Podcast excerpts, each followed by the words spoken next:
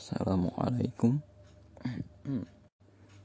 Assalamualaikum warahmatullahi wabarakatuh. Dalam kesempatan kali ini kita akan membahas selanjutan dari serial isolasi mandiri. Masih ke tema-tema ringan ya. Tema-tema ringan artinya kita ngobrol saja. Nah untuk pembahasan kita kali ini bagaimana cara menyelidiki perangai seorang laki-laki sebelum kita menikah. Pertama-tama, bidang keilmuan saya adalah bahasa dan sastra Indonesia. Nah, dalam bidang bahasa dan sastra Indonesia, ada yang dinamakan psikoanalisis sastra nah, dan psikolinguistik. Intinya adalah apa yang kita alami di masa kecil, hubungan dengan orang tua kita, hubungan dengan lingkungan di sekitar kita akan mempengaruhi kosakata dan susunan kalimat yang kita keluarkan di kemudian hari. Kata-kata mana yang akan menimbulkan trauma kepada kita, atau kata-kata yang mana yang menurut kita menjadi sangat biasa kita lontarkan ketika dalam percakapan biasa yang kita tidak bermaksud untuk marah, akan tetapi orang-orang menganggap itu tidak sopan. Dan sebaliknya, kita kesulitan untuk marah, kesulitan menata kata-kata yang tendensinya itu langsung menyerang seseorang atau tendensinya itu langsung uh, menghina secara langsung karena apa? Karena didikan dari masa kecil kita. Kalau ilmu psikologi lebih luas lagi, tidak hanya membahas kata-kata, tapi juga perilaku. Kalau dalam ilmu psikolinguistik ya, dan juga psikoanalisis sastra, yang dibahas hanya pada persoalan kata-kata dan susunan kalimat yang bagaimana yang dikeluarkan. Tapi saya tidak akan merujuk terlalu jauh ke sana, ya. ya. Saya tidak akan merujuk terlalu jauh ke sana. Yang jelas dari apa yang sudah diajarkan dosen-dosen saya kepada saya itu dulu, udah beberapa tahun yang lalu, ya, kita bisa mengambil kesimpulan.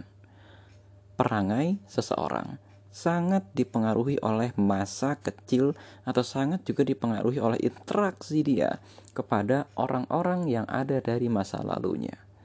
Maka dari sini bisa kita selidiki, bisa kita lacak. Pertama, untuk mengetahui perangai seorang laki-laki, bisa kita tanyakan dari bagaimana hubungan antara dia dengan orang tuanya. Meskipun dalam banyak kasus, ya, seorang anak laki-laki tidak mesti dibesarkan oleh kedua orang tuanya. Ada yang dibesarkan oleh neneknya, ada yang dibesarkan oleh pamannya, dan lain sebagainya. Akan tetapi dari sini juga menguji dia bagaimana memahami konsep ayah dalam pikirannya, dan kemudian bagaimana cara dia berbicara. Minta dia menceritakan eh, bagaimana cara ayahnya berbicara kepada anaknya. Karena apa? Karena biasanya nanti itu akan berpengaruh kepada cara dia berbicara kepada anaknya lagi di kemudian hari.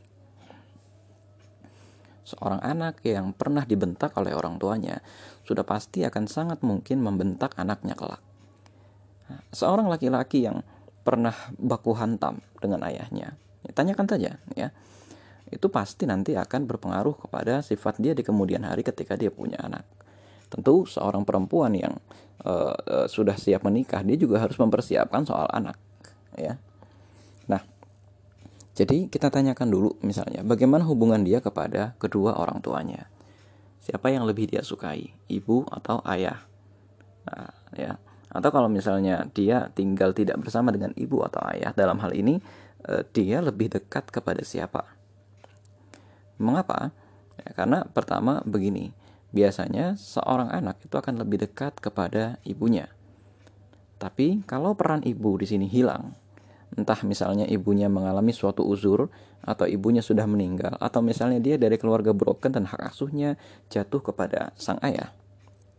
Maka e, biasanya sang laki-laki ini akan bersifat sedikit agak keras. Ya, sedikit agak keras. Ini dalam konteks ini gitu ya kalau dia misalnya lebih dekat kepada sang ayah. Tapi kalau dia lebih dekat kepada sang ibu, biasanya si laki-laki ini akan punya kepribadian yang tawazun atau seimbang. Mengapa? Karena sifat laki-laki dan sifat perempuan yang saling seimbang dalam sebuah rumah tangga akan membentuk kepribadian anak. Makanya sekaligus ini membantah juga nih uh, hipotesisnya orang-orang LGBT bahwa perempuan dengan perempuan bisa jadi parents. Atau laki-laki dengan laki-laki juga bisa menjadi parents. Karena dalam dalam teori dasar seperti ini gitu ya. Ini kita belum masuk ke teori-teori lebih jauh. Jadi artinya ini masih bisa diperdebatkan. Tapi dalam teori dasar seperti ini kita ketahui keseimbangan sifat laki-laki dan perempuan membentuk keseimbangan sifat pada seorang anak baik itu laki-laki maupun perempuan. Tinggal nanti kecenderungan fitrah dia sebagai laki-laki atau sebagai perempuan yang mengarahkan dia dominan ke mana. Itu ya. Yang kedua, temperamen atau sifat pemarah seorang anak laki-laki. Biasanya datang dari tidak hadirnya sosok ayah atau bukan dari tidak hadirnya sosok ayah tapi dari dominannya sosok ayah mengambil ruang privasi dirinya. Biasanya seorang anak laki-laki yang tidak punya privasi dalam arti segala sesuatu dikontrol oleh orang tuanya akan mengalami kesulitan berbicara atau mengalami kesulitan mengekspresikan apa isi hatinya. Sehingga yang keluar adalah emosi dasarnya saja. Dia sedih maka dia akan langsung menutup diri dan menangis. Dia marah dia akan langsung tantrum membentak melempar memukul dan lain sebagainya. Atau dia menjadi orang yang terlalu dingin ya. Terlalu dingin kita sulit menebak dia ini bagaimana dan rentan sekali dia akan melakukan uh, misalnya self harm atau potensi bunuh diri dan lain sebagainya. Nah, mari kita tanyakan uh, bagaimana cara dulu ayah dan ibunya mendidik dia. Ya, sejak usia berapa dia punya kamar sendiri? Bagaimana cara dia atau bagaimana cara orang tuanya memberikan uang kepada dirinya. Apakah dia ditakar sampai sekarang masih dikontrol apa dan lain sebagainya? Karena kalau dia sampai sekarang masih dikontrol dan lain sebagainya, dia tidak mengetahui bagaimana rasanya kekurangan uang. Yang dia ketahui, kalau dia kekurangan uang, dia tinggal minta dan kalau dia kekurangan uang, yang rugi bukan dirinya, tapi yang rugi orang tuanya. Maka dia tidak akan merasa terlalu gelisah ketika uangnya menipis nanti Alasannya bukan karena tawakal, tapi alasannya karena apa? Karena dia tahu ada sebuah otoritas pengaman yang akan memberikan dia batas aman sehingga dia tidak perlu berusaha keras untuk mendapatkan kembali sumber kehidupannya itu.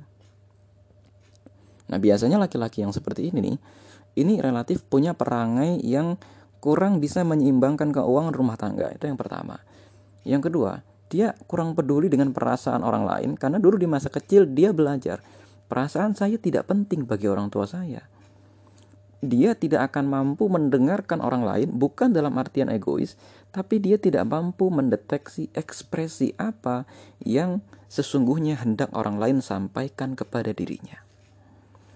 Dia kesulitan mendengar cerita. Dia barangkali adalah teman cerita yang nyaman, barangkali begitu. Akan tetapi, beda hal antara teman cerita dengan teman hidup itu dua hal yang berbeda. Teman cerita tidak perlu merespon sebagai satu kesatuan kehidupan. Dalam artian, teman cerita kadang-kadang nggak perlu ikut menyelesaikan. Tapi kadang-kadang kalau teman hidup, dia juga merupakan bagian dari masalah yang diceritakan oleh istrinya itu sehingga dia harus menyelesaikan. Cuma yang repot adalah bagaimana kalau dia kesulitan mengidentifikasi sebenarnya ini apa. Nah, makanya rekan-rekan sekalian tanya, dulu di waktu kecil, orang tua dia memisahkan kamar dia di usia berapa? Bagaimana cara orang tuanya memberikan dia uang? E, sejak usia berapa dia dilepas mandiri hidup di luar? Berapa kali dalam waktu seminggu atau sebulan orang tuanya menelepon? Kalau anak laki-laki jangan terlalu sering ditelepon harusnya. Karena apa? Satu, anak laki-laki akan belajar yang namanya punya privasi dan kemandirian. Itu yang paling penting. Ya, itu yang paling penting. Nah, dan biasanya nih ya teman-teman sekalian, ini kita beralih dari persoalan masa kecil, biasanya seseorang laki-laki yang secara natural menjadi pemimpin bagi rekan-rekan uh, kuliahnya maupun rekan-rekan SMA-nya dia biasanya akan punya perangai yang lebih tenang. Karena wajarnya seseorang yang punya perangai pemarah, terburu-buru, tergesa-gesa tidak akan disukai menjadi pemimpin. Meskipun takaran terburu-buru dan tergesa-gesa itu setiap orang berbeda-beda. Atau ada juga orang memang latar belakangnya dia memang tergesa-gesa, latar belakangnya meledak-ledak, pemarah dan lain sebagainya. Tapi ketika dia menjadi pemimpin, dia akan mampu memutuskan sesuatu dengan cepat Nah, itu ya. Memang ada pemimpin yang meledak-ledak banyak. Contohnya kita tahu mantan gubernur DKI, Pak Basuki Cahaya Purnama, dia meledak-ledak, tapi dia adalah pemimpin. Contohnya lagi uh, ada lagi beberapa pemimpin misalnya uh, Habib Rizik, dia juga meledak-ledak orangnya. Akan tetapi ya, dia tetap punya pengalaman memimpin dan bisa memutuskan sesuatu dalam waktu yang cepat. Biasanya, ah, jadi gini, antara emosi, ketenangan dalam memimpin sesuatu dengan emosi yang dia tampakkan di lisan itu dua hal yang berbeda. Ada bedanya antara orang yang marah-marah doang dengan orang yang marah-marah sambil memutuskan atau sambil menciptakan uh, decision gitu ya.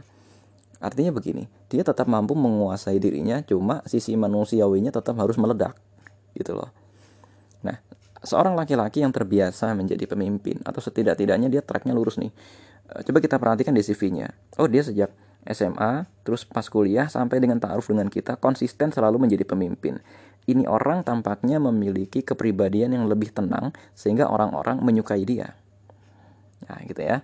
Dan kalau ada orang yang misalnya tidak uh, dia tidak pernah menjadi pemimpin, ya, dia tidak pernah menjadi pemimpin, dia tidak pernah ada di satu jabatan atau di komunitas yang menyebabkan orang-orang mengerumuni dia atau orang-orang mempercayakan sesuatu amanah kepada dia.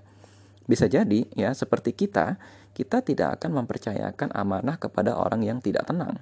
Kita tidak akan mempercayakan amanah kepada orang yang panikan, menutup diri, pendiam, uh, uh, aneh gitu kan. Kita nggak mungkin mempercayakan jabatan ketua kepada orang yang aneh, freak.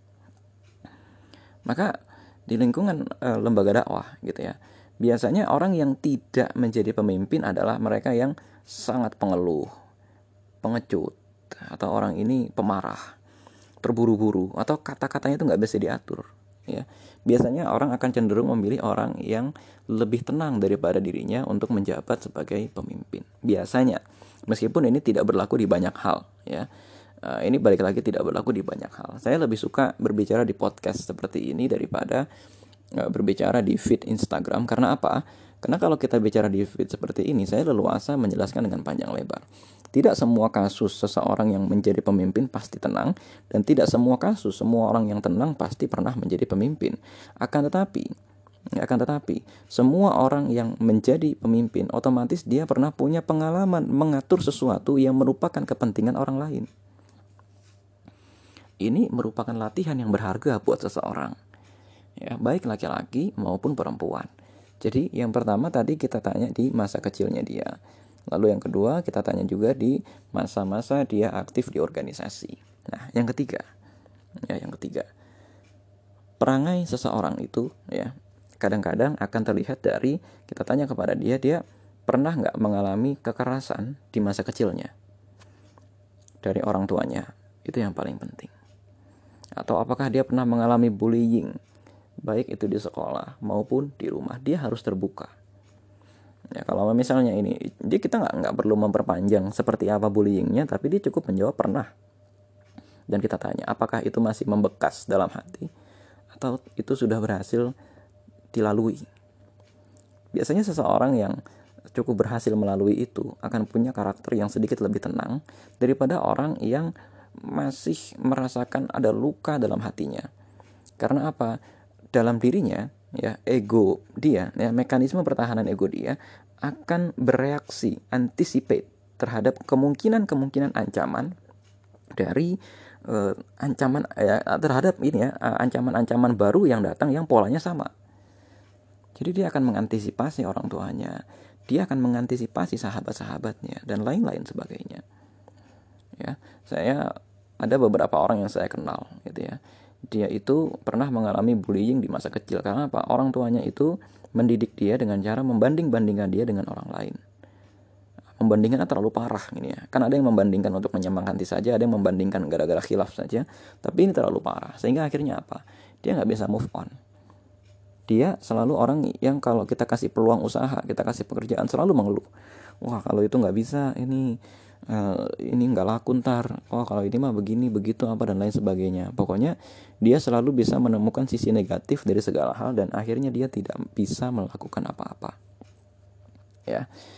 Nah perangai itu ternyata tidak hanya persoalan dia pemarah atau tidak tapi persoalan dia bisa nggak sabar dengerin orang. Dari mana dilihatnya? Dia di masa kecil didengerin orang juga apa enggak? Ya, ada beberapa patokan di sini yang bisa kita jadikan satu apa ya bahasanya? Kita jadikan satu satu patokan lah. Satu biasanya orang yang lingkungan keluarga besarnya itu guru itu akan lebih sabar.